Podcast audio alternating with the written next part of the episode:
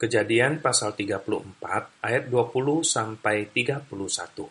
Lalu pergilah Hemor dan Sikem, anaknya itu, ke pintu gerbang kota mereka, dan mereka berbicara kepada penduduk kota itu. Orang-orang itu mau hidup damai dengan kita. Biarlah mereka tinggal di negeri ini dan menjalaninya dengan bebas. Bukankah negeri ini cukup luas untuk mereka?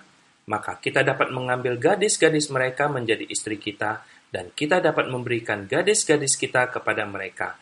Namun hanya dengan syarat ini orang-orang itu setuju tinggal bersama-sama dengan kita, sehingga kita menjadi satu bangsa, yaitu setiap laki-laki di antara kita harus disunat seperti mereka bersunat. Ternak mereka, harta benda mereka, dan segala hewan mereka, bukankah semuanya itu akan menjadi milik kita? Hanya biarlah kita menyetujui permintaan mereka, sehingga mereka tetap tinggal pada kita.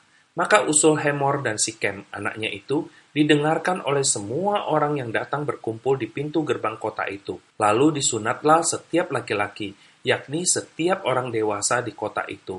Pada hari ketiga, ketika mereka sedang menderita kesakitan, datanglah dua orang anak Yakub, yaitu Simeon dan Lewi, kakak-kakak Dina.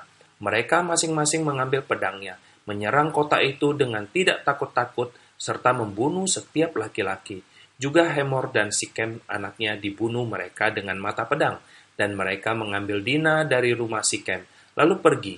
Kemudian datanglah anak-anak Yakub merampasi orang-orang yang terbunuh itu, lalu menjara kota itu, karena adik mereka telah dicemari.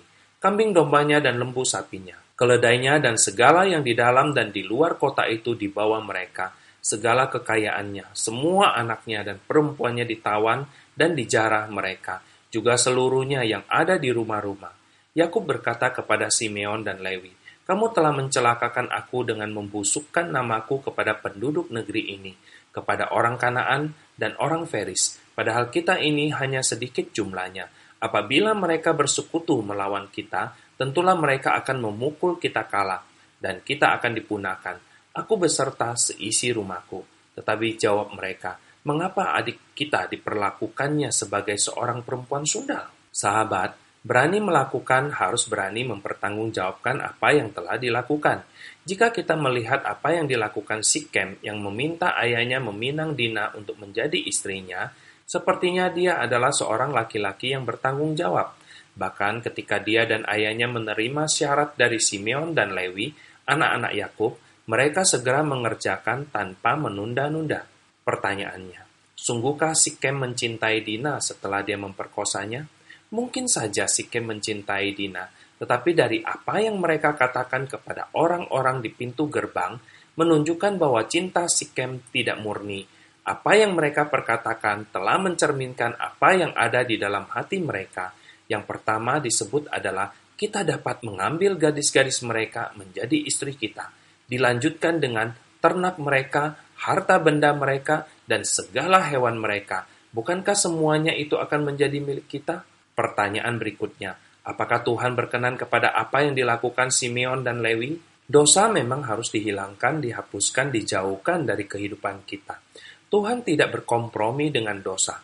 Jika kita melihat bagaimana Tuhan menghapuskan dosa di zaman Nuh dan di Sodom Gomora, maka yang dilakukan oleh Simeon dan Lewi dapat kita mengerti ada kemungkinan Tuhan berkenan kepada Simeon dan Lewi yang bergiat menghapuskan aib dan dosa dari lingkungan mereka. Sahabat, kita memang sulit untuk mengerti apakah Tuhan berkenan atau tidak. Hanya kita melihat setelah kejadian ini, Yakub tidak senang dengan perbuatan mereka, tetapi apa yang ditakutkan Yakub tidak terbukti, dan bahkan Tuhan membuat bangsa-bangsa di sekitar gentar kepada mereka. Yang terpenting dari bagian ini adalah jangan menggunakan tipu muslihat untuk melawan dosa, tetapi pergunakanlah kasih Kristus untuk mempertobatkan yang berdosa. Karena Tuhan Yesus datang dengan kebesaran kasihnya demi mempertobatkan dan menyelamatkan kita yang berdosa. Amin.